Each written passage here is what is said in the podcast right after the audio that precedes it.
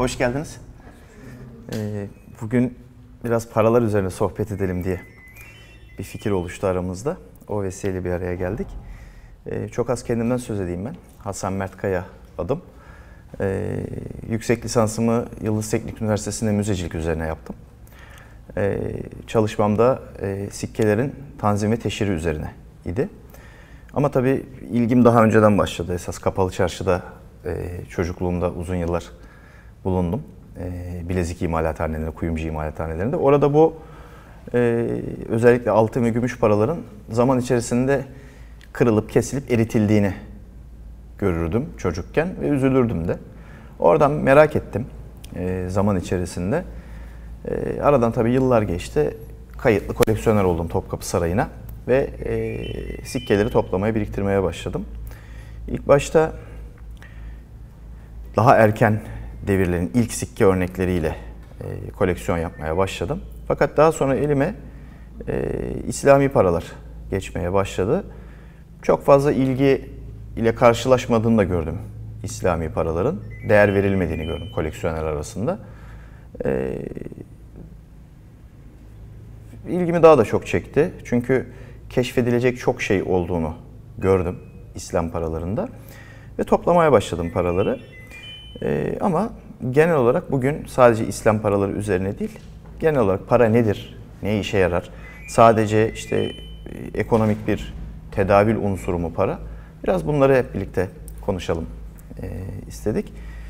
Aslında en yanlış bilinen bilgiden başlayalım. Hep işte parayı Lidyalılar buldu vesaire diye bir e, genel kanı söz konusu.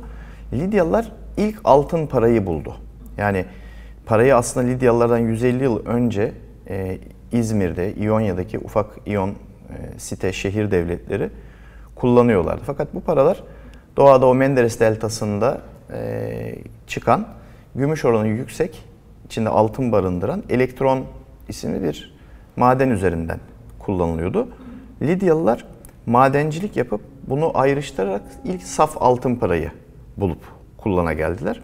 Ve bununla beraber de sikkeler aslında sadece ticari bir e, unsur olmaktan çıkıp daha ilk bu altın parayla mesaj veren bir mecra olarak da değerlendirilmeye başladı. Yani gazetenin olmadığı, iletişimin çok çok kısıtlı olduğu bir çağda bir para merkezden yola çıkıp sarp bir yerde bir köye vardığında üzerindeki yazılardan, üzerindeki kralın, imparatorun ya da sultanın isminden, portresinden insanlar yönetimin değişmiş olduğunu, başkalarının geldiğini ve bu gelenlerin belki de hangi inançta olduğunu, ne giyindiklerini vesaire bütün bunlar hakkında bilgi sahibi oldukları bir mecra olarak görüyorlardı parayı aynı zamanda.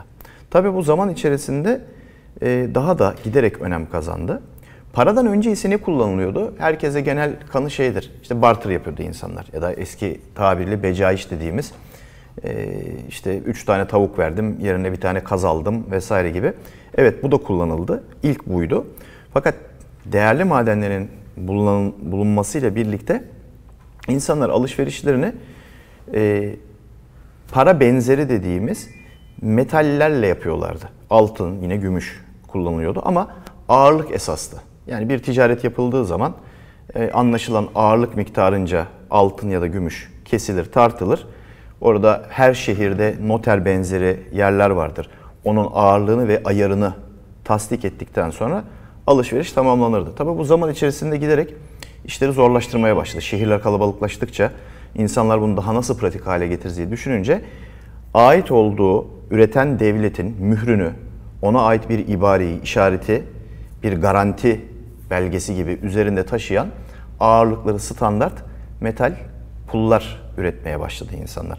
Bu metal pulların üzerine bir ibare, bir işaret geldiği zaman para ortaya çıkmış oldu. Ee, ve hiçbir zaman para dediğim gibi sadece bir ekonomik tedavi unsuru olmadı. Hep mesaj vere geldi. Biraz sunumumuzda onlara bakacağız aslında. Bugün para dediğimizde paranın başkentleri, finansın başkentleri dediğimizde aklımıza işte gelen şehirler belli başlı şehirler neresidir? İşte New York, Londra, efendime söyleyeyim Tokyo uzak doğuda diyebilirsiniz. Kısmen Şangay, İstanbul, Berlin. Buralar paranın ve finansın döndüğü dünyadaki büyük e, şehirler. Geçmişte de bu böyleydi aslında. Değişen bir şey yok. Sadece adresler. İlk tabi altın parayı bulması hasebiyle e, Lidya, bugün Manisa'nın Salihli ilçesi e, oluyor. Orada ilk altın para üretildi. Daha sonra Roma, Venedik gündeme geldi. Atina, Efes, İzmir'deki, e, Sezarya ya da Kayseriye, bugünkü Kayseri şehri, Antiyokya, Antakya, Simirna, İzmir, Tarsus, Dımaşk, Şam, Bağdat, Mısır, Endülüs ve İstanbul. Bu şehirler tarih boyunca kesintisiz gümüş ve altın sikkeler üretilen şehirler oldu. Ee, ilk altın paradan başlayalım isterseniz biraz paranın yolculuğuna ve mesajlarına. Ee, ilk altın parada yani Manisa'nın Salihli ilçesinde basın ilk altın parada amansız bir düşmanlığın işaretini görüyoruz. Bu düşmanlık Lidyalılarla Anadolu'nun içlerinde Afyon, Kütahya, Eskişehir hattında yaşayan Frigler arasında. Sürekli savaşa ve sürekli birbirlerini yok etmeye çalışan iki devlet e, Lidyalılar ve Frigler. Lidyalılar bastıkları parada kendi sembolleri olan Anadolu aslanına Friglerin sembolü olan boğaya saldırır biçimde. Şurada görüyorsunuz yapmışlar. Buradan Friglere karşı bir meydan okumayı görüyoruz bu sembolde. Yani bu sadece bir aslanın bir doğadaki işte bir e, işte ne o belgesellerde olan Maramara şey miydi bir yer vardı böyle hayvanların olduğu yerdeki bir av sahnesi değil verdiği böyle bir politik mesaj var. Peki şu içerideki kargacık burgacık gördüğümüz alan ne? İnsanların parayı keşfinden bu yana sahtecilik ve kalpazanlıkta eş zamanlı başlamış arkadaşlar. Hiç değişmemiş. Bunun sahte olmadığını, içinin de gerçekten dışı gibi olduğunu, altın olduğunu göstermek için bu paralar biraz oyuk yapılmış. Buna bunun tabiri numizmatikte inkus denir. E, inkus kimi zaman bu şekilde olur, kimi zaman böyle bir gamalı haç şeklinde olur ya da daha şekilsiz amorf da olabilir. Buradaki amaç da bu paranın içinin de altın olduğunu göstermek için yapılmış. Tabi bu ilk paradan sonra hızla bütün şehirler kendi paralarını üretmeye devam ediyorlar. Daha sonra bu site devletlerin birleşip biliyorsunuz büyük bir krallık çıkıyor ortaya. İmparatorluk Büyük İskender. Büyük İskender bölük pörçük Yunan site devletlerini kimisini barış yoluyla, kimisini kılıçla birleştirip kendi büyük e, devletini, imparatorluğunu kuruyor. Ve tarihte halen bugüne kadar basılan e, en uzun süre basılan parayı üretiyor. Tetra drahmi dediğimiz yaklaşık 16,5 gram gelen gümüş para. Burada da tabii bu parayla beraber yine bir mesaj veriliyor. İskender dünya fatihi olma iddiasında olduğu için ve büyük bir komutan olduğu için kendisi hep Herkül'e öykünüyor mitolojideki ve Herkül'ün eliyle bir aslanı öldürüp postunu yüzüp giymesine öykünerek bütün sikkelerinde aslan postu giymiş şekilde betimletmiş kendisini. Burada da inandığı tanrısı Zeus. Zeus'un elinde de Zeus'un kuşu olan kartal. Altta da bir koçbaşı görüyoruz. Bu koçbaşı da paranın basıldığı Lampsakos, Lapseki şehrinin arması. Burada paranın darphanesini bastıran idareciyi, idarecinin nasıl bir yapıda olduğunu, neye inandığını aşağı yukarı görebiliyoruz. Bunlar tabi M.Ö. 350-400'lerde basılmaya başlanıyor. Büyük İskender öldükten sonra yaklaşık 500 yıl boyunca postumus dediğimiz yani ya da postmortem dediğimiz ölüm sonrası ona öykünerek onun adına dünyanın çeşitleri Hindistan'dan Makedonya'ya kadar sikkeler darbe ediliyor. Tabii o çoğunu ölüm sonrası olduğunu nasıl anlıyoruz? Genelde Büyük İskender'in portilerinde bir artistik söz konusu baktığımız zaman ama bu köy baskısı dediğimiz ya da işte Hindistan'ın, Pakistan'ın dağlarında orada burada basılanlarda daha böyle basit cinali formunda ama Büyük İskender olduğu anlaşılan paralar üretile geliyor. Tabi Büyük İskender kendisinden sonra Ardılların da çok etkiliyor. Ondan sonra gelen generalleri, devlet kuran generalleri var. Bundan bir tanesi mesela e, Lapsik şehrinde kurucusu, işte Lampsakos'un kurucusu Lysimakus'tur, Trakya kralı. Hatta bir dönem İstanbul'da fetheder. Yine aynı şekilde tetradrahmi dediğimiz 16,5 gramlık bir para bastırıyor. Fakat burada enteresan bir şey görüyoruz. Büyük İskender aslan postu giyip meydan okuyor ve gücünü kudretini gösteriyorsa ben de ölümsüzlük işareti, tanrılık işareti olan boynuz işaretini, boynuz figürünü kullanırım. Ben de en az onun kadar başarılıyım, ondan aşağı değilim demek istemekte. Tabi bu paradan Zülkarneyn çıkarmaları yapan da var. Acaba Zülkarneyn Büyük İskender miydi? Onlar mıydı? O bir ekip miydi falan gibi böyle.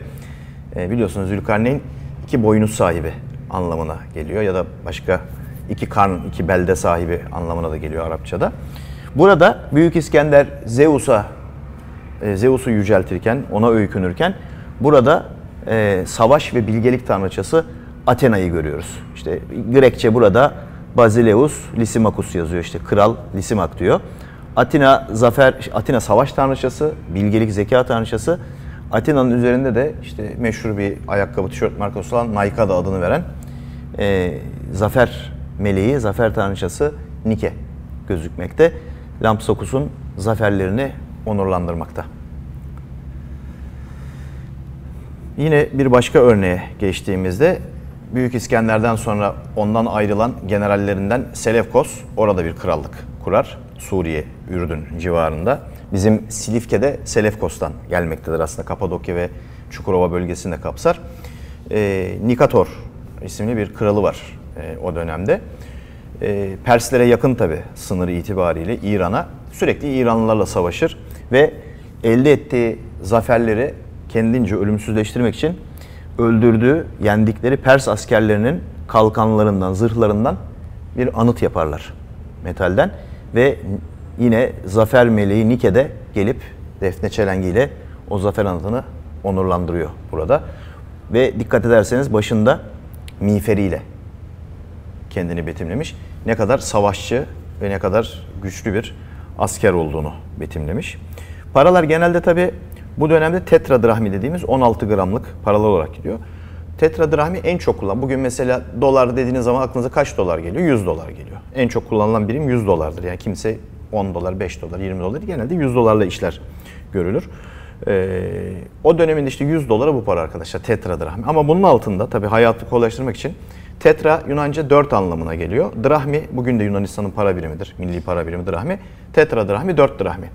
Bunun yarımlığı vardır. Didrahmidir, iki drahmidir. İşte bir de tek drahmi vardır. Onda da drahmidir.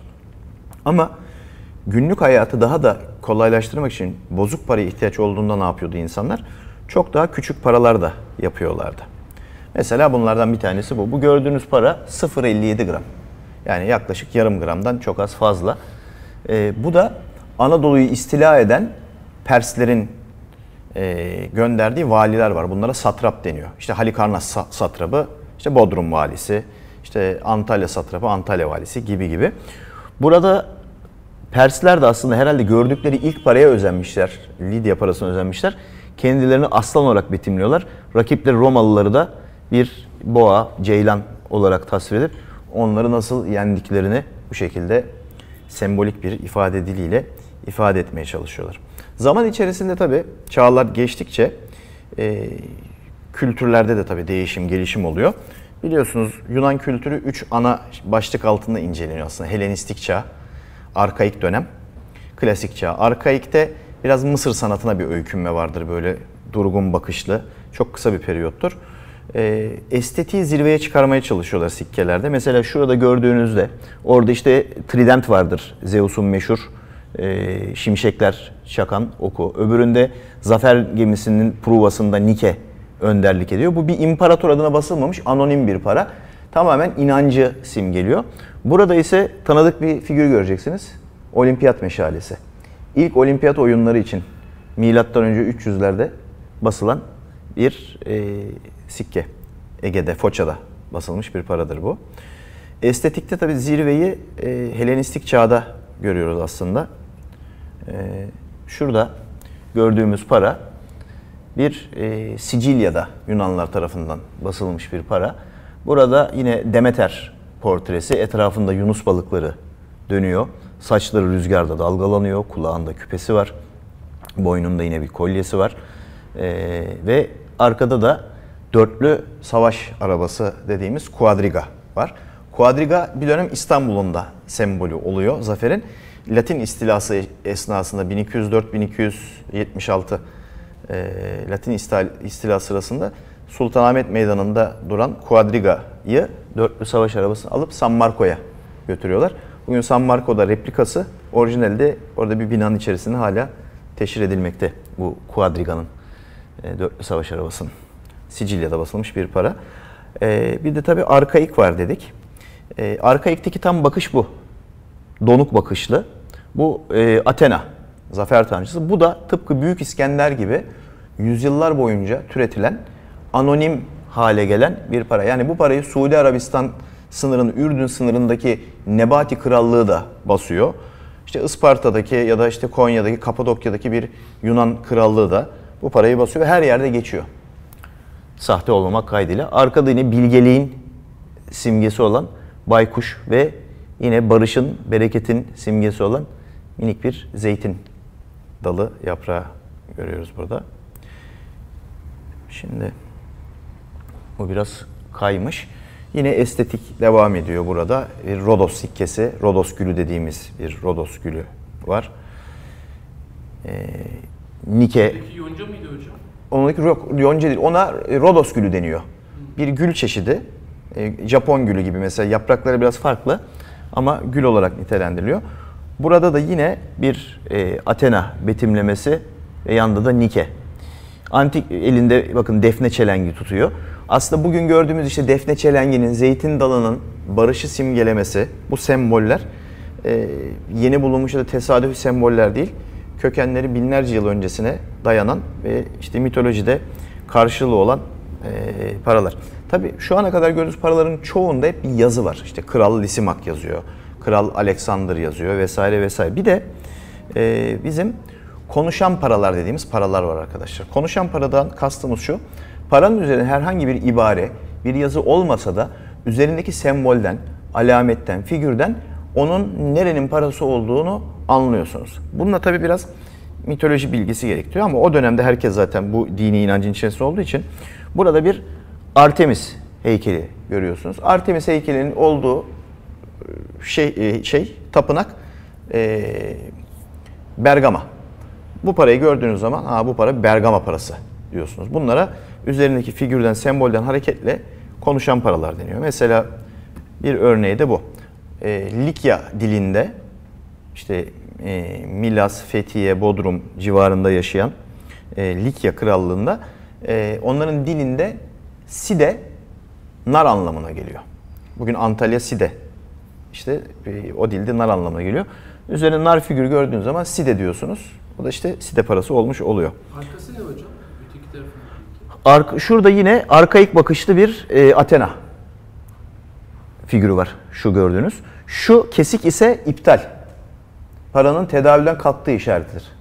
Tabii bu kesiği gördüğünüz zaman bu artık kullanılmıyor. Geçersiz anlamında. İptal bizde iptal damgası vardır ya. O anlama gelen bir kesik. Ya da kullansam bile yani gramajı noksan olduğu için değerinin altında bir e, para olma şeyini taşıyor. Bu gördüğümüz gibi iri bakışlı, tam gülüyor mu, gülmüyor mu belirsiz olan bakış şeyi, üslubu bu antik Mısır'dan Yunanlıların etkilenip kısa bir süre kullandıkları bir e, üslup. Şimdi bu para da enteresan.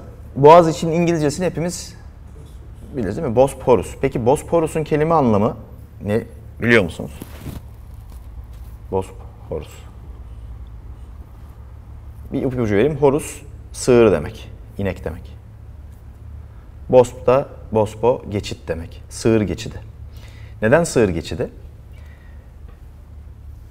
Zeus baş tanrı ölümlü bir kadına aşık olur. Aragon kralının kızı Io'ya aşık olur. Ama evlidir bir taraftan da Hera'yla. Hera'nın hışmından korumak için Io'yu, ölümlü Io'yu inek kılığına sokar ve saklanması için Bizantiyon şehrine yani buraya gönderir. Tam buralardan Anadolu kıyılarından yüzerek atlayıp saklanmak için Haliç'e gider Io ve orada saklanır. Onun için Boğaz'a Bosporus denmiş mitolojide. inek geçidi, sığır geçidi. Bunu simgelemek için de Yunus balığı denizi, boğayı, şey e, denizi, boğazı, suyu temsil ediyor. Onun üzerinde yürüyen inek de Io aslında. Baktığın zaman böyle bir Picasso Dali tablosu gibi yani dam üstünde manda yuva yapmış Söğüt dalına gibi ama arkasındaki şey bu. Bu da yine biraz önce dediğim gibi o ilk parada olan inkus dediğimiz paranın içinin de Yukarıdaki de kuşlar mı hocam? Yok o e, küçük harflerle Bizantiyon'un B'ye İstanbul'da basıldığını gösteren. Bu İstanbul'un ilk parasıdır arkadaşlar. İstanbul'da basılan ilk para budur. Ve çok enteresan bir gelenek. Bu para basıldığı günden itibaren İstanbul'da her gün para basılıyor. Halen bugün Türkiye Cumhuriyeti Devleti'nin başkenti Ankara'dır. Kağıt para, banknot Ankara'da basılır. Ama madeni para Balmumcu'da darphane vardır. Madeni para geleneği hiç değişmeden İstanbul'da basıla gelmiş. Hiç değişmemiş bu. Hocam arkası ne? Şu mu? Bu dediğim inkus dediğimiz yani e, içinin de gümüş olduğunu gösteren bir işaret. Kimisinde bu amorf olur, kimisinde böyle bir yelkovan işareti gibi olur, kimisinde daha zikzaklı olur. Bunun belli bir formu, üslubu yok. Buradaki maksat paranın kaplama olmadığı, içinin bakır dışının gümüş kaplama olmadığı, içinin de gümüş olduğunu göstermek için yapılmış, bulunmuş bir yöntem bu. Tabi zaman içerisinde para işte diyoruz ya para her türlü kötülüğün anası bir sürü şey yapıyor vesaire. Tabii kişiye göre değişiyor bu. Ama bazı paralar kötülükle ve ihanetle özdeşleşiyor da. Ee, biliyorsunuz kitaplar, kutsal kitaplarda da paralar e, zikrolunur. Kur'an-ı Kerim'de mesela ne der? Allah e, kantar kantar yığılmış dirhem ve dinara olan tutku insanlara sevimli gösterildi. Çekici gösterildi süslü gösterildi me- mealinde ayetler vardır. Gerçekten altında ve gümüşte e, bir çekicilik vardır. Çeken insanı kendisine. Bu parada da işte e, bu çekiciliğe kapılıp Hazreti İsa'yı Romalılara ve Ferisi Yahudilerine ihbar eden, e, yanına gidip sakalından öpeceğim kişi İsa'dır diyen Yahuda İskar- İskaryot'un İncil'e göre 35 şekel gümüş para karşılığında bu ihaneti yaptı şeklinde İncil'de geçer. İşte bu para o paradır. Bu paradan 35 tane karşılığında e, aslında bir havari olan Yahuda İskaryot İsa Aleyhisselam'ın yerine Romalılara şikayet ediyor, ihbar ediyor. Daha sonra tabii bizim inancımıza göre e, kendisi Romalılara İsa Aleyhisselam suretinde gösterilerek e, o gidiyor hac şeye İsa Aleyhisselam göğe ref olunuyor. Ama bu para ihanetin parası diye meşhurdur. Bir de tabii ihanet dediğimiz zaman Roma tarihinde kim gelir akla? Brutus. Brutus e, biliyorsunuz Julius Caesar'ın e, manevi oğlu, evlatlığı, çok gözdesi, çok seviyor, çok değer veriyor. E, ki Sezar kendisi de enteresan bir insan. Biliyorsunuz Se- Sezar'ın kelime anlamı karın yarılarak dışarı çıkan demek. Bugün sezeryan doğum diyoruz. Mesela oradan geliyor. Sezar kesmek demek. Mesela makas da İngilizce Caesar. Kesme şeyi. Sezeryan doğum işte kesilerek yapılan doğum. Julius Caesar, Caesar adı bir ünvana dönüşüyor sonra başarılarından dolayı. Mesela işte o sigaraların üzerinde de yazar ya Marlboro'larda Veni Vidi Vici geldim gördüm yendim. Onu Tokat Zile'de e, Pontuslularla yaptığı Mitradатes'te yok ediyor onları. Ve meşhur sözü orada söylüyor işte geldim gördüm yendim yani abartacak bir şey yokmuş anlamında söylüyor. Fakat tabii daha sonra Brutus kendisini senato ile işbirliği yaparak öldürünce bu parayı basıyor Brutus abi. Ve burada Eidmar diyor. Eidmar Mart'ın 15'i demek. Şu ortadaki takke kölelerin takmak zorunda olduğu, köle olduğu anlaşılsın toplum içerisinde diye takmak zorunda olduğu bir başlık takke. İki tane de hançer. Anlamı Mart'ın 15'inde köleler özgürleştirildi. Neden? Çünkü diktatör öldürüldü. Sezar'ın paralarında da diktatör yazar şimdi unuttum buraya koymayı ama diktatör öldürüldü. Mart'ın 15'inde köleler özgürleşti. Bu para o paradır ama beri taraftan da tabii büyük bir ihanetin aynı zamanda parası. Tabii Roma artık Yunan'dan sonra para konusunda bayrağı devralıyor. Roma'nın aslında 3 tane dönemi var. 3 dönem altında inceliyoruz Roma'yı. İlk İtalya anakarasında kurulduğu Cumhuriyet dönemi. Ee, daha sonra e, imparatorluğa dönüşmesi, bütün Akdeniz'i Arap Yarımadası'na kadar fethetmesi e, ve daha sonra da e, şehir paraları üretmesi. Roma İmparatorluğu ele geçirdiği yerlerdeki halkların e, diline ve dinine çok fazla karışmıyor. Yani ekonomik bir sömürü genelde yapıyor. Ama bir şart koşuyor. Basacağınız paraların ön yüzünde bizim imparatorumuzun ya da imparatoriçemizin büstü olacak. Etrafındaki yazıyı kendi alfabenizde yazabilirsiniz. Paranızın arkasında da hangi dine, hangi tanrıya ya da tanrılara inanıyorsanız onu kutsayan ibareler kullanabilirsiniz. Ama ön yüzde bizim imparatorumuz olacak. Anadolu topraklarında 3 tane Roma İmparatorluk Darphanesi var. Pardon özür dilerim 4 tane. Ee, bir tanesi Simirna, İzmir. Bir tanesi Efes, yine İzmir sayılıyor tabi. Bir tanesi Kayseri, bir tanesi de Antakya. Roma İmparatorluğu burada altın ve gümüş sikkeler üretiyor. Onun dışında Anadolu'da 4500 civarında bakır para üretilen şehir sikkesi tabir ettiğimiz ya da Grek Roma paraları aslında Roma parası ama dili Grekçe olan paralarla paralar üretile geliyor. Yine bize yabancı olmayan bir Roma imparatoru. Mağaraya sığınan 7 tane gence eziyet eden, onları yakalamak isteyen, daha sonra o mağaradaki gençlerin uyandıktan sonra şu paraları alın da gidin ekmek bir şeyler alın dediğinizde bu paralar artık geçmiyor ki diye duyup ne kadar uyudukları yönünde tartıştıkları yedi uyur dediğimiz Ashab-ı Kehf. Bu Ashab-ı Kehf zamanında kullanılan İmparator Diokletianus zamanında Ashab-ı Kehf'in yaşadığı kuvvetle muhtemel inanılıyor. Bu işte o yedi tane gence hayatı zindan etmeye çalışan e, Roma İmparatoru'nun sikkesi. Bir de böyle çok adilmiş gibi de Justitia, adalet sembolü şeyini kullanıyor. Ve burada aslında hem adalet, ben çok adil bir idareciyim hem de sağ elinde de kornukopya tutuyor. Kornukopya da mitolojide bolluğun ve bereketin sembolüdür. Onun için Haliç'in adı da çok balık çıktığı için altın boynuz, golden horn, kornukopyadan geliyor aslında. Hep gördüğümüz gibi yani birçok günlük hayatta kullandığımız kavramlar bu paralardaki sembollerle aynı. Burada birazdan da vurgulayacağım. Ee, çok enteresan. Bizlerle yani tek tanrılı semavi dinlere inanan insanlarla e, çok tanrılı e, o kadim dinler Roma dininin fark şu. İnsanı tanrılaştırma hikayesi. insanı ilah edinme, ilah ilan etme şeyi. Dikkat ederseniz Büyük İskender'de bunu gördük. Herkül gibiyim diyor. İşte Trakya Kralı Lysimak'ta boynuz figürü kullanıyor. Ölümsüzüm ben diyor, tanrıyım diyor. Hep birçok insanda, birçok uygarlıkta insanı tanrılaştırma ve ilah haline getirmeyi e, sikkeler üzerinden okuyabiliyoruz. Yani bunlar bize sadece kitapların anlattığı hikayeler değil. Gerçekten delil niteliğinde ait olduğu dönemin e, belgeleriyle de bunlara karşılaşıyoruz. Bunlardan bir tanesi de bu. Bakın bu parada Diva Faustina yazıyor. Diva Bülent Ersoy için kullanılmıyor sadece. E, diva ölümsüz demek. Yani ilah, tanrıça demek.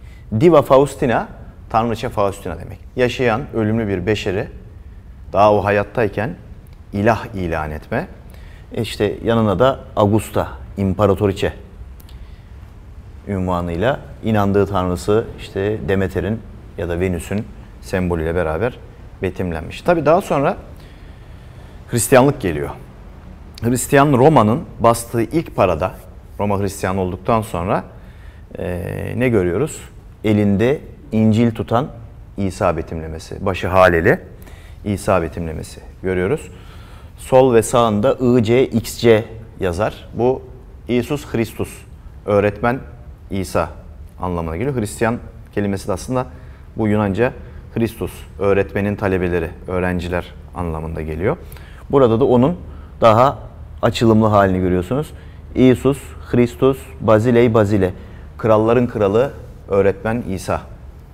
Bu Bizans'ın en büyük mesajı yüzyıllar boyunca inandığı değeri olmuş ve birçok altın, gümüş sikkesinde bunu görmüşüz. Kimi zaman İsa peygamberi şu şekilde betimlemişler. İmparator Hristiyanlığın Yılmaz bekçisi olmuş.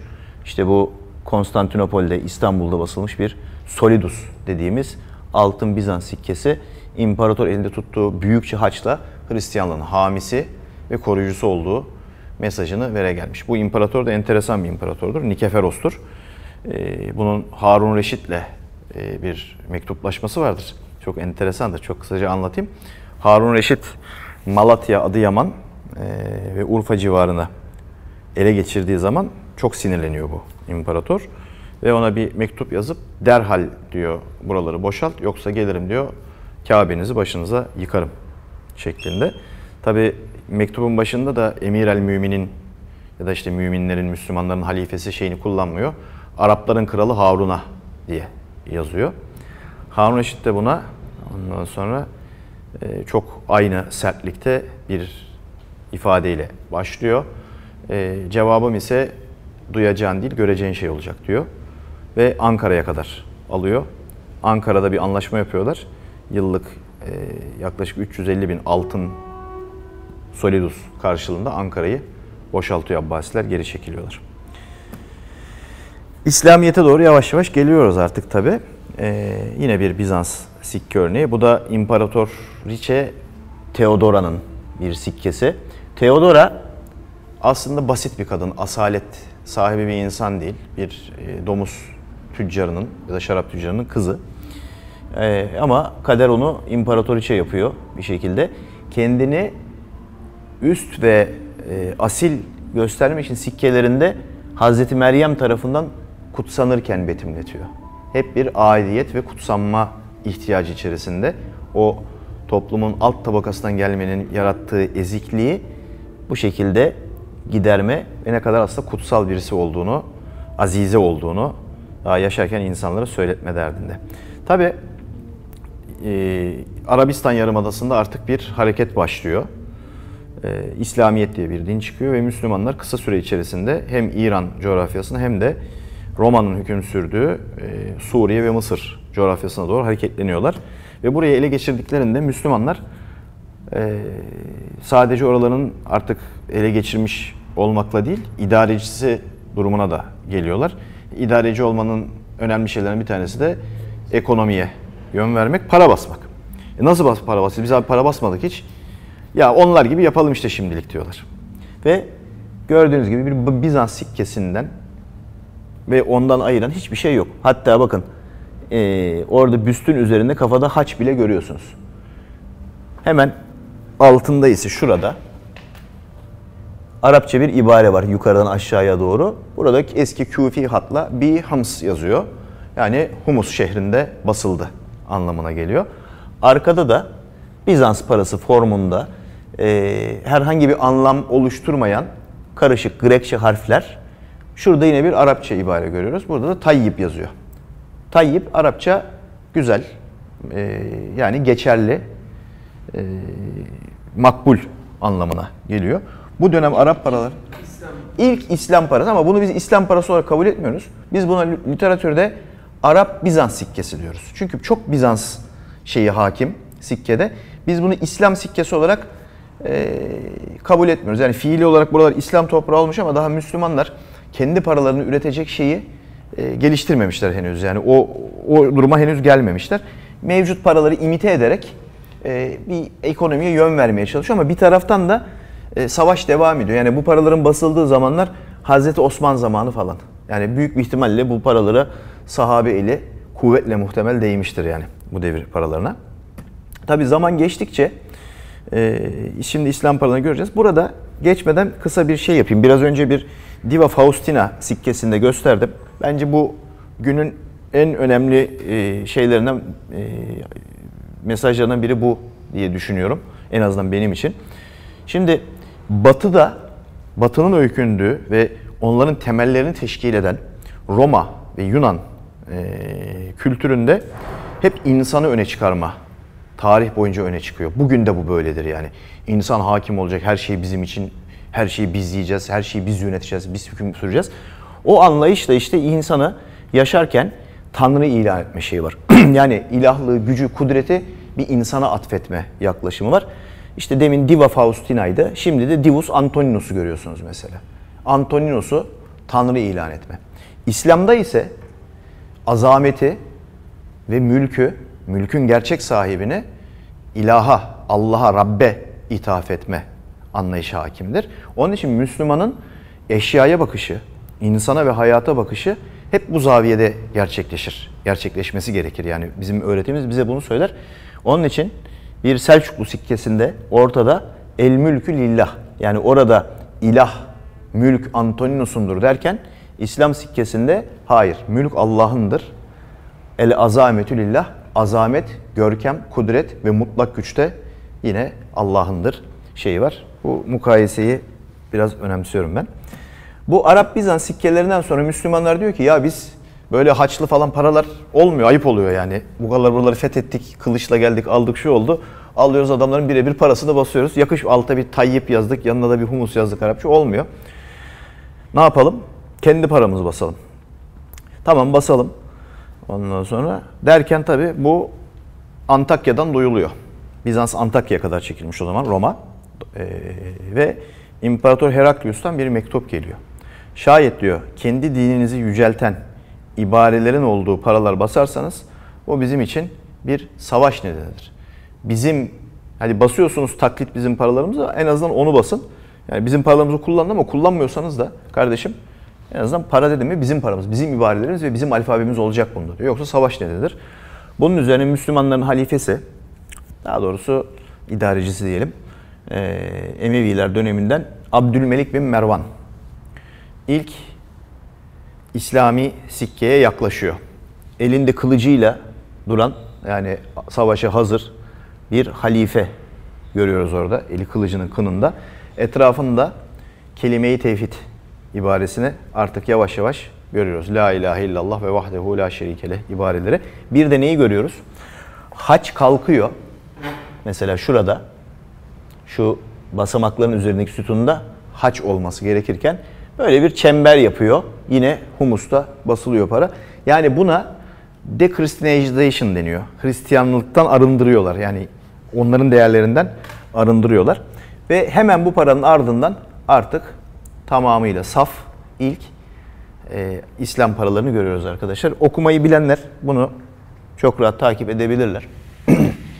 La ilahe illallah vahdehu öbür yüzünde de Muhammed Resul Allah ibaresini görüyoruz. Artık o özgüveni yakalıyor Müslümanlar. Yer yerde geometrik desenlerin kullanımının başladığını görüyoruz bu. En erken İslam sikkelerinde e, tasarım anlamında geometrik desenlerin e, Abdülmelik bin Mervan zamanında Emevilerin Emevi halifesi Hicri 77-80 yıllarında e, şu form sizler mimarsınız. Çok yabancı formlar olması gerek sizin için şu iç içe geçmiş iki kare formu. En erken burada görüyoruz. Yani bu sikkede görüyoruz. Bu Musul'da 80 yılında basılmış arkadaşlar bu sikke. İçinde La ilahe illallah vahdehu yazıyor yine. Biz bunu Selçuklu motif olarak biliyoruz. Evet değil mi? Yani çok e, daha aslında e, erkene gidiyor. Daha sonra artık abi bakır para bize yetmez. Biz artık İspanya'ya kadar gittik. Her yerde aldık. Artık altın para da basalım, gümüş para da basalım deme zamanı geliyor. Ve Hicri 77 yılında Şam'da yaşayan bir Yahudi, Yahudi kuyumcunun kalıbını kazıdığı ilk İslam altın parası basılıyor arkadaşlar. Bu para bugün Suudi Arabistan'ın bir riyalinde, Bahreyn'in, Umman'ın çeşitli Arap devletlerinin kağıt paralarında resmi olan paradır. E, bu bugüne kadar bildiğimiz, bilinen ilk altın İslam parası. E, El Belazuri'nin Fütuhul Büldan kitabında e, bir de Ebul Faraş tarihinde Müslümanların ilk parayı, ilk altın parayı Hicri 75 yılında bastığı rivayet olunur. Ama bugüne kadar ele geçmedi o para. Dolayısıyla daha erken bir tarih bulunana kadar itibar ettiğimiz şey elimizdeki yani daldaki değil eldeki kuşa bakıyoruz. Yukarıdan ortada yine İslam'ın en temel mesajını görüyoruz. La ilahe illallah vahdehu la şerikele. Bu tarafta da bu İhlas suresi kullanımı. Bu da yine Hristiyanlarla olan savaşa gönderme var burada. Yani sürekli bir savaş var Hristiyanlarla. Onların o teslis inancına karşı Allahu ehad, Allahu samet, lem yelid ve lem yulet. Doğmamıştır, doğru, doğurmamıştır. Etrafında da Bismillah şu saat iki yönünden sola doğru gideceğim tersten. Bismillah Allah'ın adıyla duribe darp edildi. Haza bu ed dinar altın para sene seba ve sebin 77 yılında Allah'ın adıyla bu para darp edildi. Nerede darp edildi bilmiyoruz ama tarih bize bunun ilk İslam altın parasının Şam'da basıldığını söylüyor. Hemen daha sonra ki halifelere geldiğimiz zaman artık parada darp yeri belirtmeye ihtiyacı da hissediyorlar. Çünkü fetihler de genişliyor. Bu Emevilerin adaletiyle meşhur en sevilen halifesi. iki yıl zaten sadece tahta kalmış olan Ömer bin Abdülaziz'in parası. Yine aynı formül. Ama burada İhlas suresinin tamamı var. Alan müsait olduğu için. Küfüven ehada kadar getiriyor. Burada da bunun darp yeri. Bismillah duribe haze dirhem diyor. Altına dinar diyoruz. Gümüşe dirhem diyoruz. Bi Merv. Merv şehrinde basıldı. Sene Tıs'atisin. 99 yılında Merv şehrinde basıldı diyoruz. Burada tabi enteresan bir şey söyleyeceğim. Bu Araplardaki çok enteresan bir hadise. Şimdi şu sol tarafta gördüğünüz iki para, altın ve gümüş para Emevi parası.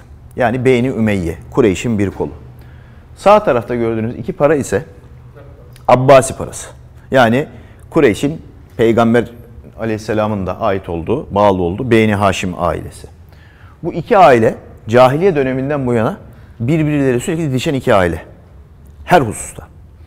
En son peygamberin kabulü konusunda da en sert davranan, en son en zor kabul eden aile Emevi ailesi olmuştur. Ebu Süfyan Emevi ailesindendir. Hint Emevi ailesindendir. İşte Bedir'de Hamza'nın, Ali'nin ve Ubeyde'nin karşısına çıkan işte Velid, Utbe, Rebiya onların hepsi Emevilerdir. Hep böyle bir rekabet söz konusu olmuştur. Onun için enteresan bakın bu kadar şu kadar paraya baktık. Şu parada bir La ilahe illallah vahdehu la şerikelihi görüyorsunuz. İşte Allahu Allahu Aleyhi ihlası görüyorsunuz. Nerede darp edildiğini görüyorsunuz. Muhammed nerede? Neredeyse yok. Sadece şurada Tövbe suresinin 33. ayeti var. O ayette Muhammed adı geçtiği için mecburen ayette geçiyor. Geçtik mi geç, geç kullandık mı kullandık kardeşim adını. Şurada bakın küçücük bir Muhammed. Muhammed Resulullah. Muhammed Allah'ın Resulüdür. Erselihu bil huden. Bir hidayet rehberiyle gönderilmiştir. Ve dinil hak. Ve hak bir din ile. Neden? Liyushirehu aled dini küllihi. Bütün dinlere üstün gelmek üzere. Ve lev kerihel müşrikin. Müşrikler istemeseler de. Bu ayeti yazmış. Burada da tabii yine bir meydan okuma var. Gelelim Abbasilere. Abbasiler peygamberin ailesi ve peygamberin yasal varisleri olduğu iddiasındalar. Bu iddiayı hem Emevilere karşı yapıyorlar hem de kendi ailelerinde Hasan ve Hüseyin soyundan gelen e, Ali soyuna da bu iddiayla geliyorlar. Ne yapıyorlar? Ön formül değişmiyor. La ilahe illallah vahdehu la şerikele. İşte Bismillah duribe hazet dirhem. Allah'ın ismiyle bu gümüş para Semerkant şehrinde işte falanca senede basıldı. Geliyorsunuz bu tarafa. Bu tarafta da aslında şey aynı. Yine Muhammedun Resulullah Tövbe suresi 33. ayet. Ama orta göbekteki formül ihlas kalkıyor yerine kocaman bir Muhammed Resul Allah ibaresi geliyor. Bunun sebebi peygamber ailesine, peygambere olan yakınlıklarını vurgulamak için ve Emevilere olan muhalefetlerini vurgulamak için. Ama ilk sikkede de var. Muhammed Resulullah bir geri dönsek ikinde de var. Yok burada değil. Bir önce, iki önce gösterdiğinizde de var. Bunlar eş zamanlı sikkeler. Birer yıl şey var aralarında. Yani bakırda kullanıyorlar. İlk başta yaptıklarında kullanıyorlar. Ama Bunu a, sadece ha, iki önceki slayttaki şey- gelelim. Şuna. Yani İslam devrini anlatırken saniye anladım ben onu. Hazreti Osman de- dönemindeki şeyde de var Muhammed Resulullah. Şu. Evet. Şu. Evet bunu bu evet bir Emevi sikkesi. Bir tane bakır sikke de var bu. Doğru söylüyorsunuz. Ama gümüşte ve altında yok. Yani bu bakır şöyle bir şey olabilir. Şimdi bunlar şehirlerde değişik değişik şehirlerde yüzlerce formu var bunların. Bunun basıldığı yerdeki kişi büyük bir ihtimalle peygamber olan bir hürmeti, saygısı daha farklıydı. Onun için inisiyatif kullandı. Böyle bir şey yapmış olabilir. Ama bu de- bakır paralar çok böyle devletin merkezi otoritenin değil de daha ziyade valilerin kontrolünde yazılır. Çünkü her birinde bastıran valinin adı vardır. Yani bu parayı mesela Ali bin Musa bastırmıştır diyor mesela. O valinin inisiyatifiyle böyle bir şey yapılmış olabilir ama merkezin, devletin yaptığı parada ki uygulama bu. Daha sonra İslam dünyasında hakim olan önemli bir devlet, Fatimiler. Bambaşka bir tasarım geliştiriyorlar. İç içe geçmiş halkalarla kendi halifelerini yücelten tumturaklı ifadelerin kullanıldığı en böyle bizim işte e, rüknet dünya ve din, gıyaset dünya ve din, işte seyfet dünya ve din gibi büyük böyle şey e, ünvanların, lakapların ilk kullanımının Fatimilerde olduğunu görüyoruz. Emevi ve Abbasilerde bu kadar yok. Sadece Emir el Müminin var. Halifetül Müslimin var. Basit ibareler var. Ama böyle işte yeryüzünde Allah'ın gölgesi gibi işte zullullah fil alem gibi ünvanların ilk kullanıldığı şeyin e, Mısır'daki Fatimiler döneminde olduğunu görüyoruz. Daha sonra bir ilginç sikke örneğimiz bir Memlük sikkesi. Bu Ayn Calut zaferini kazanıp Moğolları bölgeden uzaklaştıran meşhur Baybars. Sultan Baybars'ın bastığı. Bars Arapçada P olmadığı için tabii Bars deniyor. Aslında Parso. Baypars. Onun için sikkesinde şurada gördüğünüz bir Pars sembolü kullanılıyor. Kendi adını taşıyan. Bir de İberistan'da geldi söyleniyor. Ha, du- duymadım ben onu. Ha Çerkez olabilir, olabilir. Ama bu Pars figürünü sikkelerinde kullana geliyor. Yine Memluklarda farklı figürleri yavaş yavaş artık İslam sikkelerinde motiflerin ve desenlerin kullanıldığını görüyoruz. Çeşitli örnekler görüyoruz. İşte kuş figürleri, kuyruğu kılıç formunda tasarlanmış bir eee, aslan, efendime söyleyeyim, insan yüzü biçiminde güneş figürü. Burada artık yavaş yavaş başka mitolojilerden, kültürlerden de etkilenme söz konusu. İran kültüründen etkilenme söz konusu. Burçlar, gezegen tasvirleri, e, motiflerle, geometrik desenlerle bu mitoloji yavaş yavaş geliyor ve işte Selçuklu'nun temelini aslında biraz bunlar oluşturuyor geldiğimiz zaman. Mesela burada e, yine enteresan bir örnek vereceğim.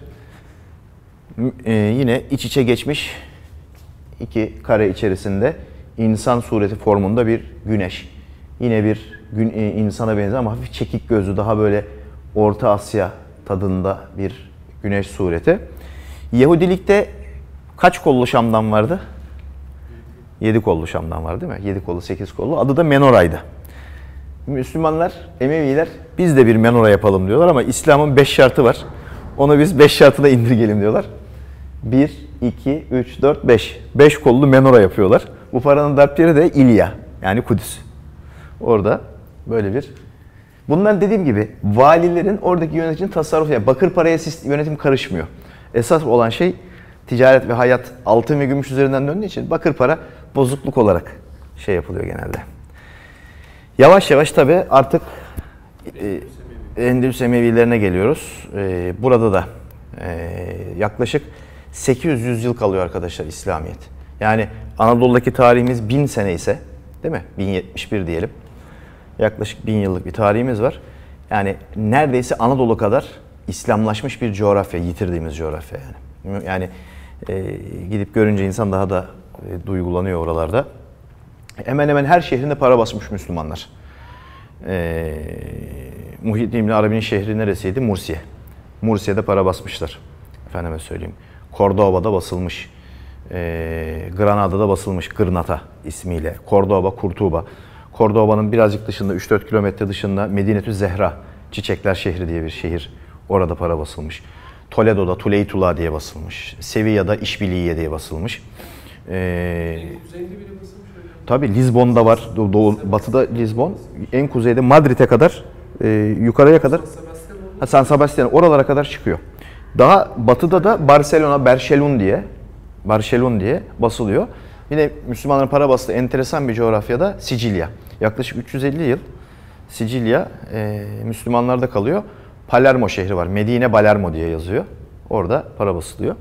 Bu Endülüs'te yaşamış bir İslam e, devletinin sikkesi. E, mesajı işte La ilahe illallah Muhammedun Resulullah. İlk defa bu parada bugün meşhur hep kullandığımız La galibe illallah ibaresinin gördüğümüz sikke budur arkadaşlar. Ve la galibe illallah el umuru küllihi lillah ve la kuvvete illa billah şeklinde basıyor. Burada yine enteresan bir şey. Ee, bu parayı bastıran kişi e, İmam Abdurrahman diye birisi. Baba adı olarak İmam Abdurrahman bin Hulefai Raşidin diyor. Yani Raşid halifelerin oğlu İmam Abdurrahman. Yani baba adını anonimleştiriyor. Buradan da şu mesajı çıkartıyorlar. Biz Raşid halifelerin yolundayız. Yani dört halifenin izinde ve yolundayız. Balbalarımız onlar bizim, onların torunlarıyız gibi Hocam bir tarih veya yer yok. Var. Var var şuradan geliyor. Sağ üstten başlıyor kare dışından. Duribe, Hazet, Dinar diye buradan Tamam. geliyor. Buradan tarihle böyle gidiyor. Bu mesela tabii çok e, zayıf bir örnek ama Endülüs'te ilk para basan Emevi hanedanından Abbasilerin kıyımından kurtulan bir kişi var arkadaşlar.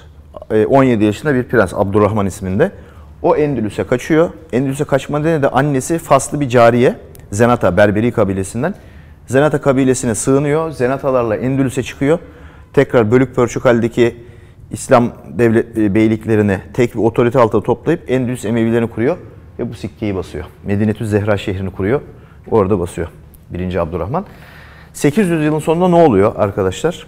Müslümanlar orada birbirlerine düşüp birbirlerini Arap, Berberi, işte Suriye Arabı, Yemen Arabı ya da Müdeccen diye vesaire e, İspanyol Müslümanısın sen, Arap bile değilsin şeklinde aşağılayıp birbirlerini yedikten sonra Reconquista geliyor arkadaşlar. Aragon kralı Ferdinand'la e, Isabel Reconquista'yı tamamlıyor ve bu parayı basıyorlar arkadaşlar. Ve burada kullandıkları armada da bütün Endülüs İslam şehirlerinin armaları artı şu da Kudüs'ün arması. Yani Kudüs'ün de kralı biziz diyor. Sadece İspanya'nın değil diyor. Kudüs de bizim topraklarımız. İşte Kolombu vesaireyi de e, finanse eden bu Kraliçe Isabel.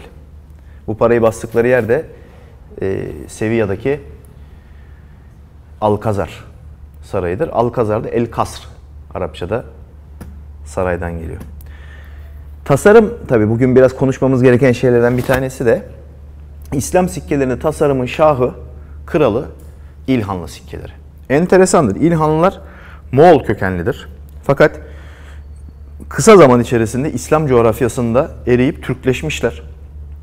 Ve de estetiği bence İslam sikkelerinde zirveye taşımışlar tasarımı da. Mesela şöyle bir e, motif içerisinde tasarım. Mesela bu para yanlış hatırlamıyorsam Erzurum'da basılmış. Bakın yine şuradan geliyorsunuz. Şurada Erzurum yazar şeyle. Darbı Erzurum. Erzurum'da basıldı. Daha sonra tarihi yazar. İşte 714'te vesaire. En üstte içeride Sultan Ebu Said Bahadır Han. Sade kim olduğunu sultanın verildiği, Darkber'in ve tarihinin olduğu duru bir tasarım anlayışı. Burada da yine kelime-i tevhid, La ilahe illallah Muhammed Resulullah. Etrafta da cihariyari güzin dediğimiz Ebu Bekir, Ömer, Osman, Ali. Şimdi bu sikkeye gelene kadar gördüğümüz hiçbir İslam sikkesinde Ebu Bekir, Ömer, Osman, Ali yazdığını gördünüz mü? Görmedik. İlk defa İlhanlarla başlıyor bu. Peki neden? Sebebi ne? Yani bizim bugün camilerimizde de bütün Sünni camilerinde, Türk Sünni camilerinde, Arap camilerinde ben pek görmüyorum ama bizim camilerimizde olmazsa olmazımız nedir? Ebu Bekir, Ömer, Osman, Ali, Cihariyar Güzin nerede abi dersin. Hatta buna biz Hasan Hüseyin de ekleriz çoğu camimizde. Bunu sebebi o dönem başlayan İran coğrafyasındaki Şii-Sünni çekişmesi arkadaşlar. Sultan Ebu Said Bahadır Han çok Hanefiliğe böyle sıkı sıkıya bağlı Sünniliğin savunucusu bir zat. Önemli bir zat. Babası ise Olcaytu Hüdabende Muhammed. Çok koyu bir Şii. Bas, babası. Bu sikke biraz önce bir önce gördüğümüz sikkeden önce basılmış bir sikke. Burada neyi görüyoruz? Bir kere mührü saadet görüyoruz. Çok bugün cebimizdeki 25 kuruşlarda da olan saadet dediğimiz daha sonra Osmanlı sikkelerinde de bunu çok göreceğiz. İbarede neyi görüyoruz? La ilahe illallah Muhammedun Resulullah ne eklenmiş bir de? Aliyyun Veliullah. Bu Şia'nın kelime-i tevhidi. Bununla yetmemiş. Daha sonra ne yapmış? Şuradan başlıyor.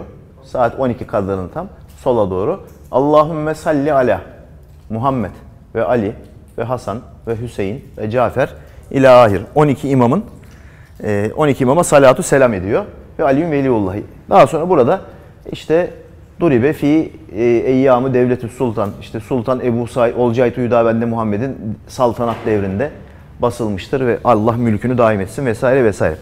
Bu adamdan sonra tahta çıkan oğlu Ebu Said Bahadır Han ise Sünniliğe sıkı sıkıya bağlı bir adam. Hemen bu paraları yasaklıyor. Üzerinde bulunanı idam ederim diyor. Ve geliyor şunu basıyor. La ilahe illallah Muhammedun Resulullah. Ali Velullah gitti. Artı ne koy yerine? Ebu Bekir, Ömer, Osman, Ali. Neden? Çünkü Şia sürekli Ebu Bekir'e, Ömer'e, Osman'a küfür ettiği için onlara inat o şeye Ebu Bekir, Ömer, Osman, Ali diyor. Ve diyor ki ben bunu yaptım diye ben bunu yaptım diye siz bana karşı çıkacaksınız. Nefret edeceksiniz benden. Çünkü bu parayı nerede bastırıyor arkadaşlar? Tebriz'de bastırıyor, Yez'de bastırıyor, Meşhed'de bastırıyor, Maraga'da bastırıyor. Yani Şia'nın çok kuvvetli olduğu yerlerde bu parayı bastırıyor. Onun için bir mesaj daha veriyor onlara. Bir, şöyle bir mihrap yapıyor. Böyle kucaklar gibi koruma altı şu ibareyi kucaklıyor, koruma altına alıyor. Böyle bir şeyin içi, mihrabın içerisine. Ama şu gördüğünüz, şu mihrap benzeri tasarımın kendisi de bir yazı arkadaşlar. Hüsnü hatla yazılmış ve Kur'an-ı Kerim'deki en uzun kelime. F harfiyle başlıyor şuradan. Sinle devam ediyor. Feseyekfi ke humullah ve huves semiyül alim. Onlara karşı Allah sana yeter. O her şeyi işitir ve bilir. Bu ibare Ebu Said Bahadır Han'ın mottosu oluyor. Onlara karşı Allah sana yeter. Feseyekfikehumullah ve huves semiyül alim. Bunu yaptığı için kendisine karşı çıkılacağını bildiği için yaptırıyor. Burada mesela bu parayı nerede basmış mesela? Duribe Tebriz. Şimdi tabii noktalamalar olmadığı için bilenler nerede Tebriz yazıyor dese de şurası Tebriz'dir. Duribe Tebriz. Hocam İlhanlar hangi yüzyılda? İlhanlar 1150-1350. 200 yıllık bir periyotları var onların. Doğu Anadolu ve İran. Ama öyle bir korku salmışlar ki Anadolu Türk beyliklerinde e, İzmir'de Ebu Said adına para basılmış, vergi parası olarak gönderilmiş. Anadolu Selçuklu altın parası çok nadirdir, az çıkar. Çok çok az çıkar. Gümüş parası çoktur. Altın objesi de yoktur Anadolu Selçukluların. Altın adına ne varsa eritip eritip eritip eritip para basıp vergi olarak Yezde, Meşe'de, Tebriz'e göndermişler. Bu onların parası. Şimdi tabii Türkler ilginç bir millet. Biz ilginç bir milletiz. Çözüm odaklıyız. Şimdi geldik Anadolu'ya aldık. Ama aldığımız yerdeki adamlar Hristiyan, Rum, Ermeni. Ne dilimizi biliyor, ne biz onların dilini biliyoruz. Bilmiyorum, alfabemiz de farklı. Biz kimiz kardeşim, nasıl vereceğiz? Onu. Bas onların dilinde de bir tanıtalım kendimizi diyorlar. Ve e, Sivas, Malatya yöresinde yaşayan Emir Danışment Gazi, Melik Gümüştekin vesaire e, Grek harfleriyle Anadolu'ya yeni bir komutan geldi. Yeni bir hükümdar geldi. E, ibareleri olan Grek alfabesiyle ilk Türk paralarını bu şekilde basıyorlar. Daha sonra bunu bilingual dediğimiz hem Arapça hem Grekçe bir arada yapıyorlar. Sonra tamamen kendi İslam alfabesine geri dönüyor. Hocam burada ne yazıyordu? Sonra anlayamadık. Bir saniye of ileriye ben yanlış yerlere gidiyorum ya. Terslere gidiyoruz. Koptu gitti be bir saniye. Ya Pardon hocam yalnız. bir saniye dur. Şuradan. Nasıl gideceğiz? Bir saniye gelelim ileriye doğru. Ha tamam şöyle oldu. Şimdi çözdük. Neredeyiz?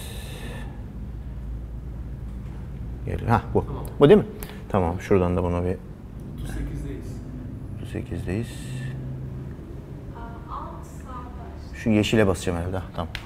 Şimdi burada şurada Muhammed yazıyor. Şu şekilde. Mahamatik diye. Bu e, Melik Gümüştekin, Muhammed Gümüştekin'in ismi. Ondan sonra işte e, kudretli hükümdar anlamında Grekçe geçen kudretli büyük hükümdar Melik Gümüştekin, Muhammed Gümüştekin. Danışment parası. Bu e, Malatya, Tokat, Niksar ve Sivas civarında yaşamış. Selçukluları da çok kök söktürmüş bir Türk beyliği, danışment oğulları. Şöyle gelelim. Ha. Şimdi bu da Güneydoğu Anadolu'da danışment oğullarıyla eş zamanlı yaşamış. Bunlara ata beylik deniyor. Yani küçük bir beylik değil aslında devlete yakın ama altın para basması yasak olan çünkü altın para basma gelenekte, Türk İslam geleneğinde bağımsızlık alametidir. Sultanlık alametidir. Bunlar hiçbir zaman ne Danişment oğulları ne Artuk oğulları sikkelerini sultan ünvanını kullanamazlar. Melik ünvanını kullanırlar. Her zaman da çoğunda bağlı bulundukları sultanın adını zikrederler. Bu kimi zaman Konya'daki Anadolu Selçuklu Sultanı'dır. Kimi zaman da Halep'teki Eyyubi Sultanı'dır. İkisinden birine mutlaka bağlılıkları vardır. Bağlı olmadıkları nadir sikkelerden bir tanesi Hasankeyf'te e, hüküm sürmüş Kara Arslan. Onun parası. Melik el Adil, el Alim, Fahrettin, şurada Fahreddin, efendime söyleyeyim, Kara Arslan bin, şuradan sağdan Kara Arslan bin, Davut bin, Sökmen bin, Artuk şeklinde geliyor. Şimdi parada da böyle bir betimleme, bir tasvir var. Enteresan bir şey, ben sadece bu sikkede gördüm. Elinde bir dünya küresi tutan hükümdar, şurada da sene nun Şin, Nun, Vav var. Tarihi ebcedle atmış. Yani o harflerin ebced hesabını biliyorsunuz. Her harfin matematiksel bir karşılığı var Arap alfabesinde. Tarihinin ebcedle atıldığı bir İslam parası.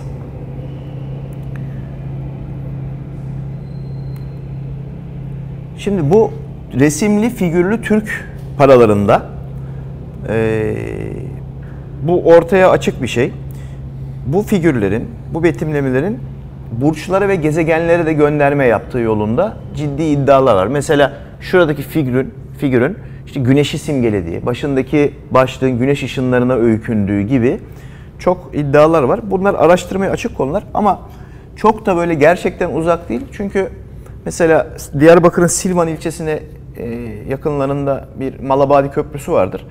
E, orada da Diyarbakır surlarında da burç tasvirleri e, bildiğimiz, karşılaştığımız unsurlardan. Yine İlhanlılara geldik. Biraz önce gördüğümüz o feseyekfikehumullahu ve huve semül alimin altın örneği standart oldu. Evet. Efendime söyleyeyim. Bu tabi artık e, gösterişin zirvesi. Ebu Said'in babası Olcay Hüdabende'nin e, tarihteki ilk İslami madalyon diyebileceğimiz parası. Normalde biraz önceki gördüğümüz şuradaki para 4.25 standart ağırlığındadır. 4 gram 25 sa- 4.25 gramdır. Bu ise yaklaşık arkadaşlar 100 gram civarına gelen bir para.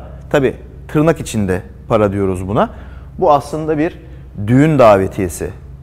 Bir hükümdarın başka bir hükümdara yolladığı ya da bir zafer muştusu, bir zafer kazanma şeyinde efendime söyleyeyim ya da bir ittifakın, kutlu bir olayın kutlanmasına düşülen bir işaret aslında bu.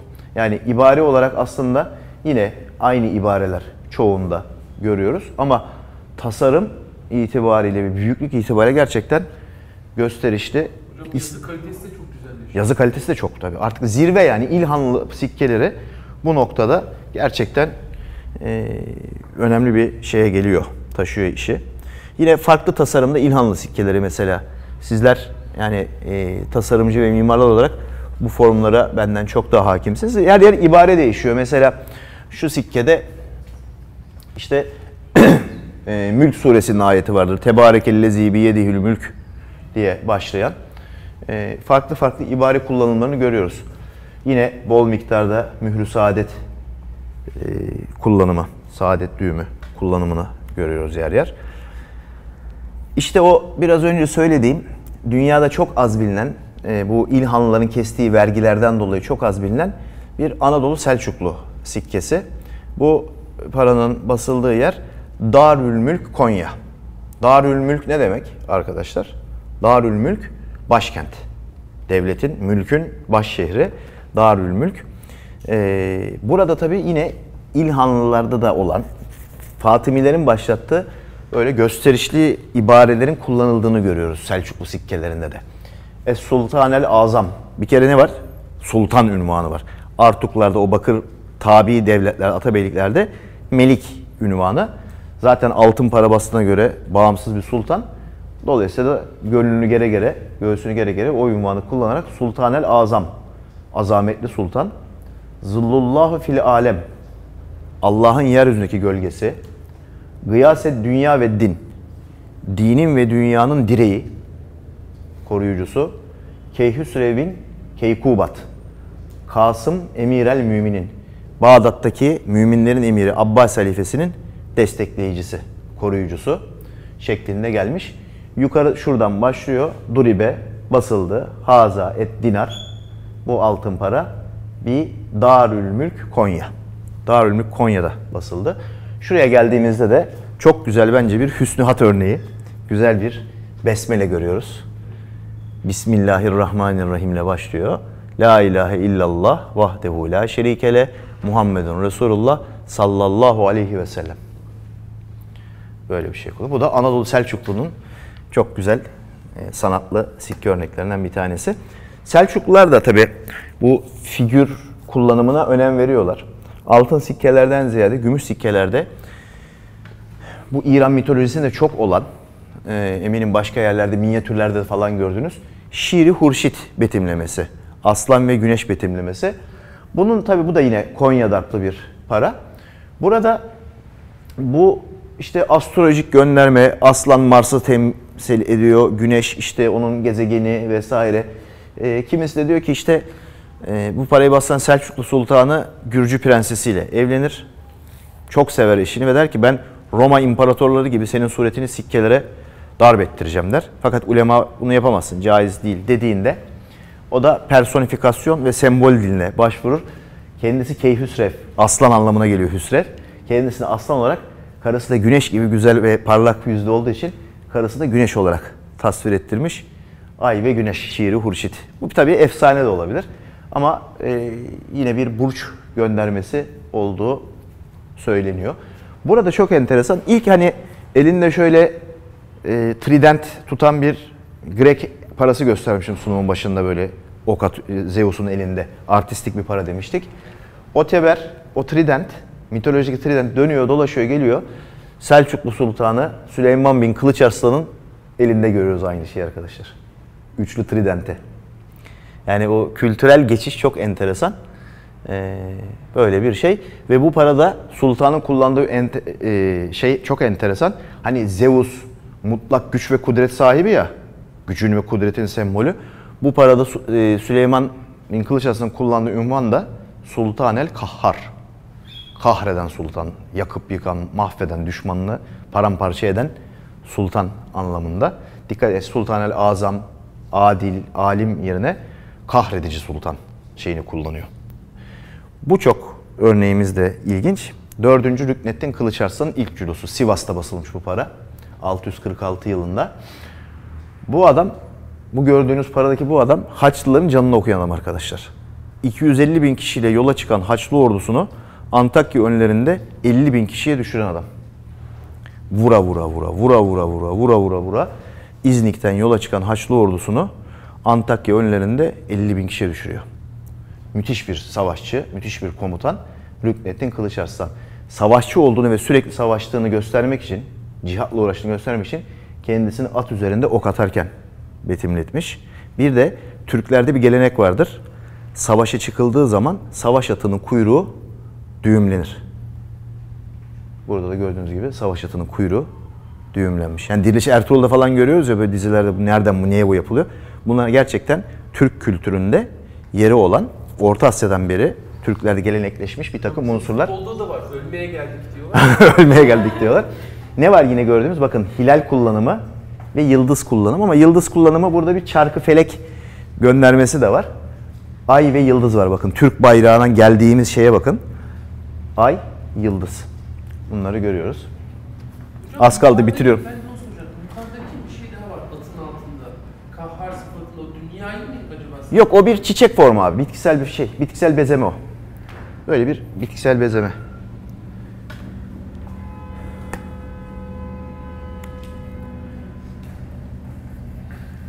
Bu sembolleri anlattık. Yine çarpıcı sembollerden bir tanesi bakın. Şimdi şu parayı biraz önce size anonim Bizans parasını anlattım. Şu yüzünü görmezseniz, bunu görseniz bu bir Bizans parası dersiniz.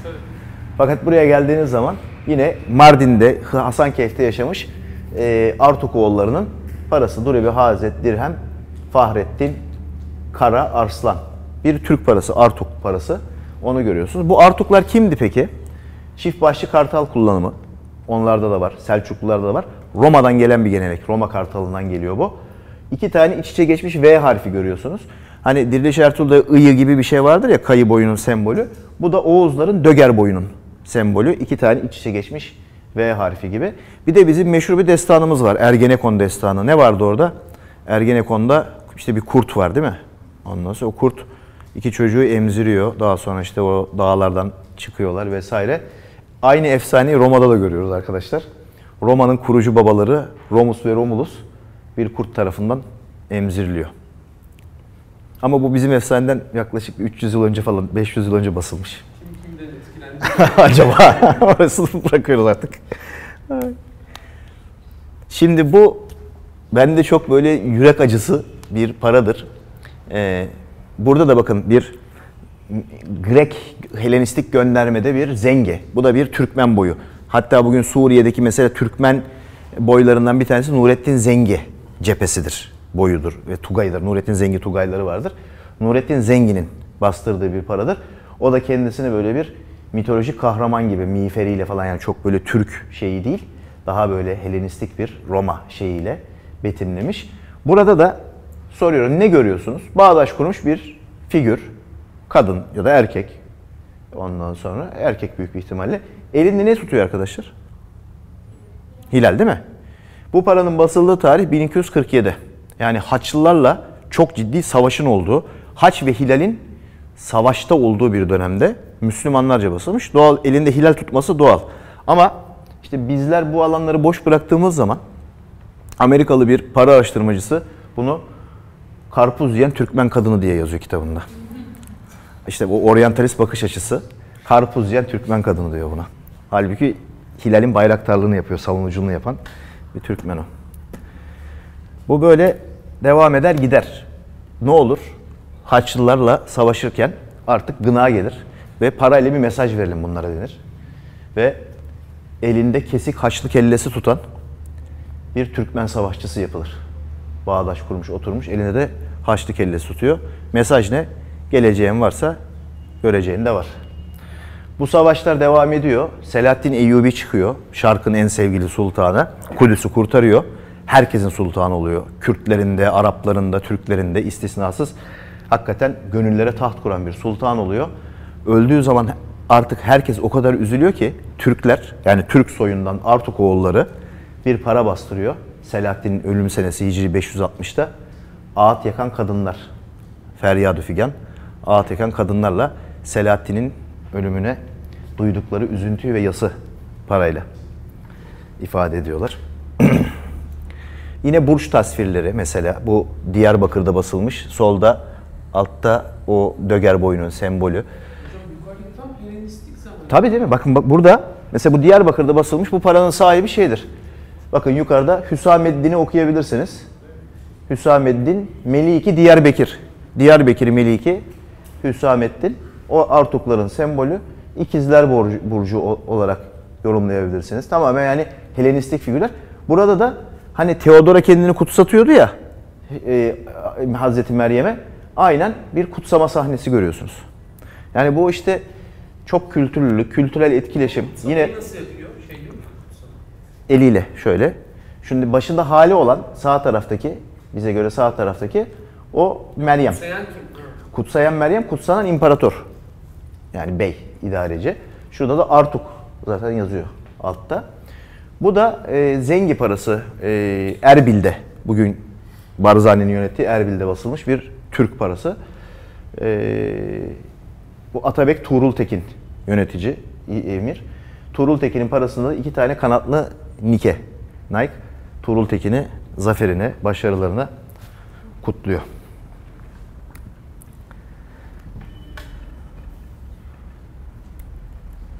Nasıl devam ediyoruz? Bitiyor galiba. 49 bitti. Evet. Netice itibariyle toparlayacak olursak bugünkü cebimizde 25 kuruşta gördüğümüz bir e, mührü saadetin aslında bundan 700 yıl önce de 800 yıl önce de e, ait olduğumuz kültür ve medeniyet dünyasını oluşturan e, devletlerde, yerlerde kullanıldığını ve aslında bizlerin ne kadar köklü bir kültürün temsilcileri olduğumuzu işte sikkeler üzerinden dilim döndüğünce anlatmaya gayret ettim sizlere. Sabır ve anlayışınız için çok teşekkür ediyorum. Eyvallah,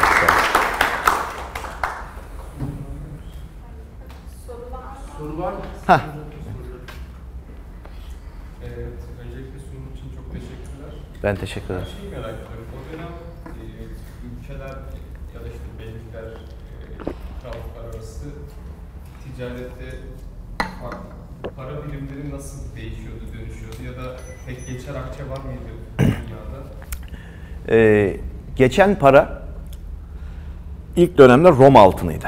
Mesela Araplar yani o parayı basmayan diğer unsurlar Roma altına çok itibar ederlerdi. Çünkü ayarının saflığı ve gramajının tutarlılığından dolayı Roma altınına herkes itibar ederdi. Yani İran parası yerine, İran altını yerine Roma parası ayarından dolayı hep tercih edilirdi. Aynı şey daha sonra e, Venedik'te görüyoruz. Venedik Duka altınları e, çok uzayacağı için onları eklemedim. E, Venedik Duka altını adeta Akdeniz'in doları ve eurosu oluyor. Her yerde geçiyor. Herkes tarafından itibar görüyor. Hatta Osmanlılar uzun bir dönem altın para basmayıp Venedik altınlarını kullanıyorlar. Sadece 2. Beyazıt döneminde çok enteresan şey yapılıyor. Venedik altınlarının üzerine sad ve h harfleriyle sah yani muteberdir. Piyasada kullanabilirsiniz anlamıyla damgalar vurulduğunu görüyoruz. Daha sonra Osmanlı altınları bu görevi görüyor. Osmanlı İmparatoru çok enteresan. İlk altın parayı Fatih Sultan Mehmet'le basıyor. Fakat 853 ya da 855 olması lazım fethin tarihi. Hicri olarak şey yapıyorum. Ee, altın sikke basımı bundan yaklaşık bir 25-27 yıl sonra oluyor. İlk altın sikke 882 yılında basılıyor Hicri olarak. Bunun sebebi devletin hazinesinde e, ki o birikimi sağlamak, döngüyü sağlamak ve artık altın para bastığın zaman bir imparatorluk iddiasıyla ortaya çıkmış oluyorsun. Paran artık senin sınırlarını geçiyor. O adette bunun devamını getirebilecek misin? Mahcup olmadan piyasaların talebini karşılayabilecek misin? Bütün bunlara bakıyor Fatih Sultan Mehmet ve ilk altın parayı fetihten 25-27 yıl sonra basıyor. Fatih Sultan Mehmet sadece İstanbul'da altın para basıyor. 882, 883 ve 885 yıllarında. Fakat kullandığı ibare daha sonraki padişahlar tarafından da büyük oranda kullanılıyor. Nedir bu ibare? Daribün nadri, bu altın parayı darp ettiren, sahibül izzi ve nasri, yardım ve güç, şeref sahibi, filberri vel bahri, karada ve denizde şeref, güç ve yardım sahibi e, Sultan Muhammed bin Murat Han Azze Nasrahu e, Murat Han oğlu Sultan Muhammed Mehmet Han Allah'ın yardımıyla aziz olsun. Duribe fi Konstantiniye Konstantiniye şehrinde basıldı. Fi senet 882 882 yılında Konstantiniye'de basıldı. Bu ibare daha sonra çok küçük değişiklikler kullanılıyor. Ne o mesela o değişiklik? Kanuni Sultan Süleyman bir şey ekliyor buna.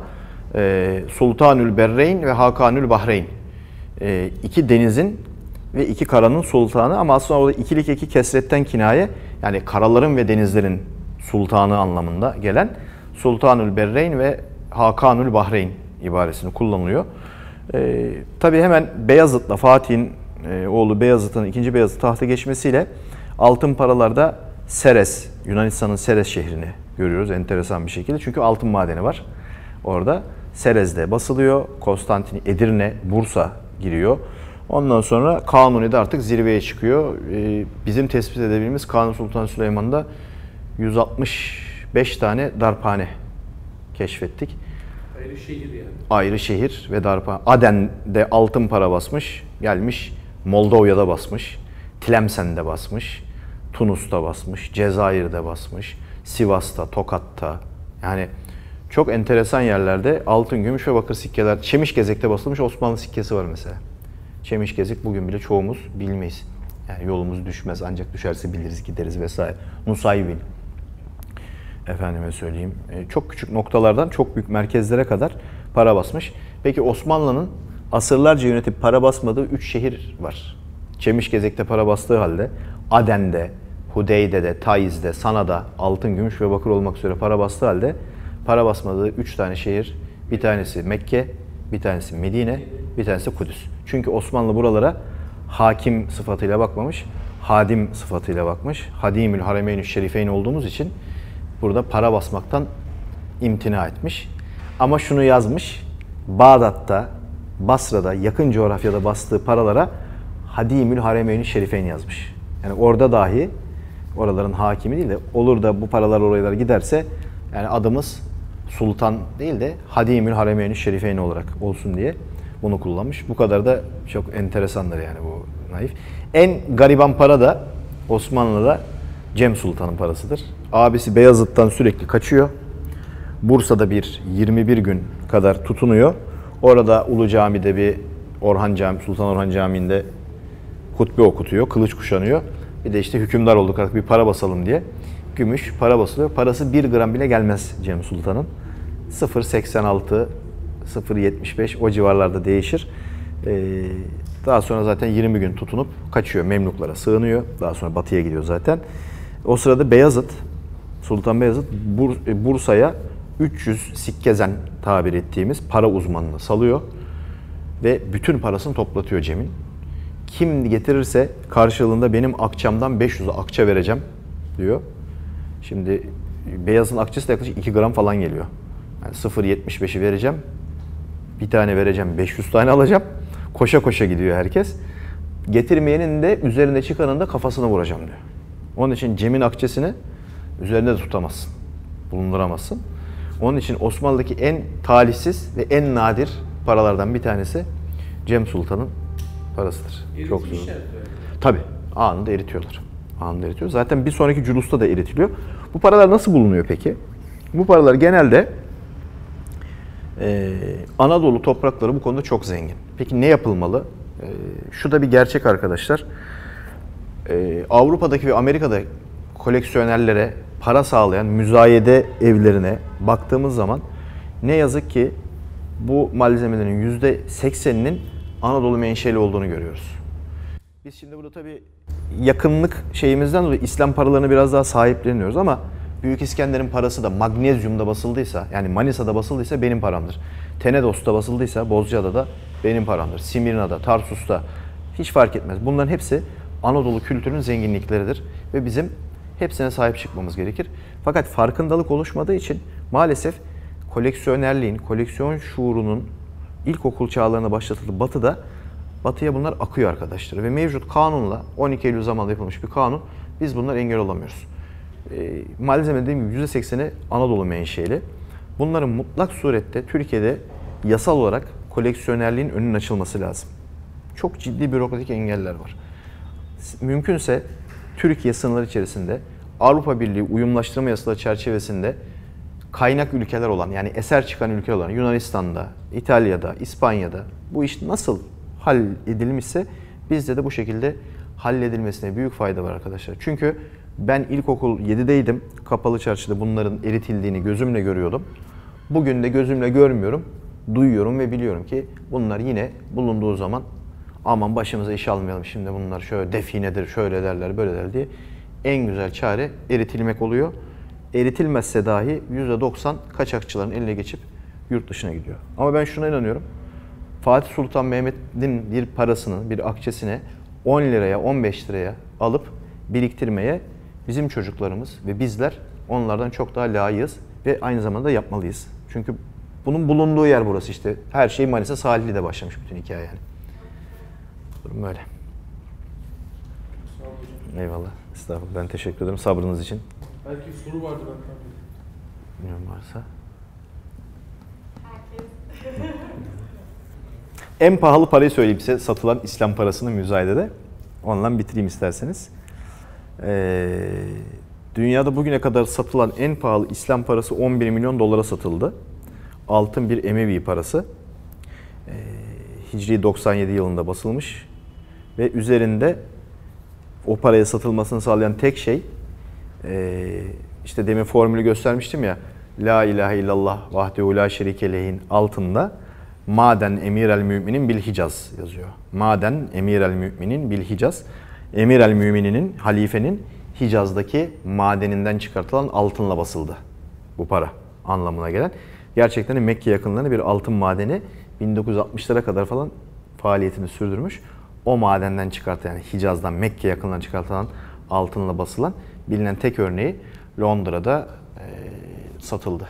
E, komisyon yaklaşık 11 milyon dolar gibi bir paraya gitti. İzninizle bu farklı bakış açınız için çok teşekkür ediyorum. Estağfurullah. Biz burada genel olarak hep baktığımızda 18.45'lerde yapmaya çalıştığımız şey esasen tam bir karşılığı oldu. Farklı alanlarda yani tasarımı besleyen farklı alanlarda yorum yapabilmek için yani e, Yunan mimarisini, Helenistik dönemi, İslam Hı hı. zamanını, ikisi arasındaki benzerlikleri, farkları, para üzerindeki tasarımı aktarmak için esasen sembol üzerinden ne kadar benzediğini Hı hı. farklı şeylerde bize tekrar gösterdiniz. Ben Estağfurullah ben teşekkür ederim.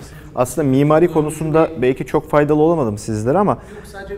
Ben de Evet. tam tasarımın içinde ne kadar farklı alanlarda eyvallah. eyvallah. beslenilirsek daha sağlıklı olması gerekiyor. Belki bir sonbaharda arzu ederseniz Ekim-Kasım gibi çok daha kısa ama tamamen bu antik dönem sikkelerindeki mimari unsurlar, tapınaklar, sunaklar vesaire sütun başları falan ondan yapan böyle ufak bir sohbet daha bakarız yani daha konu odak.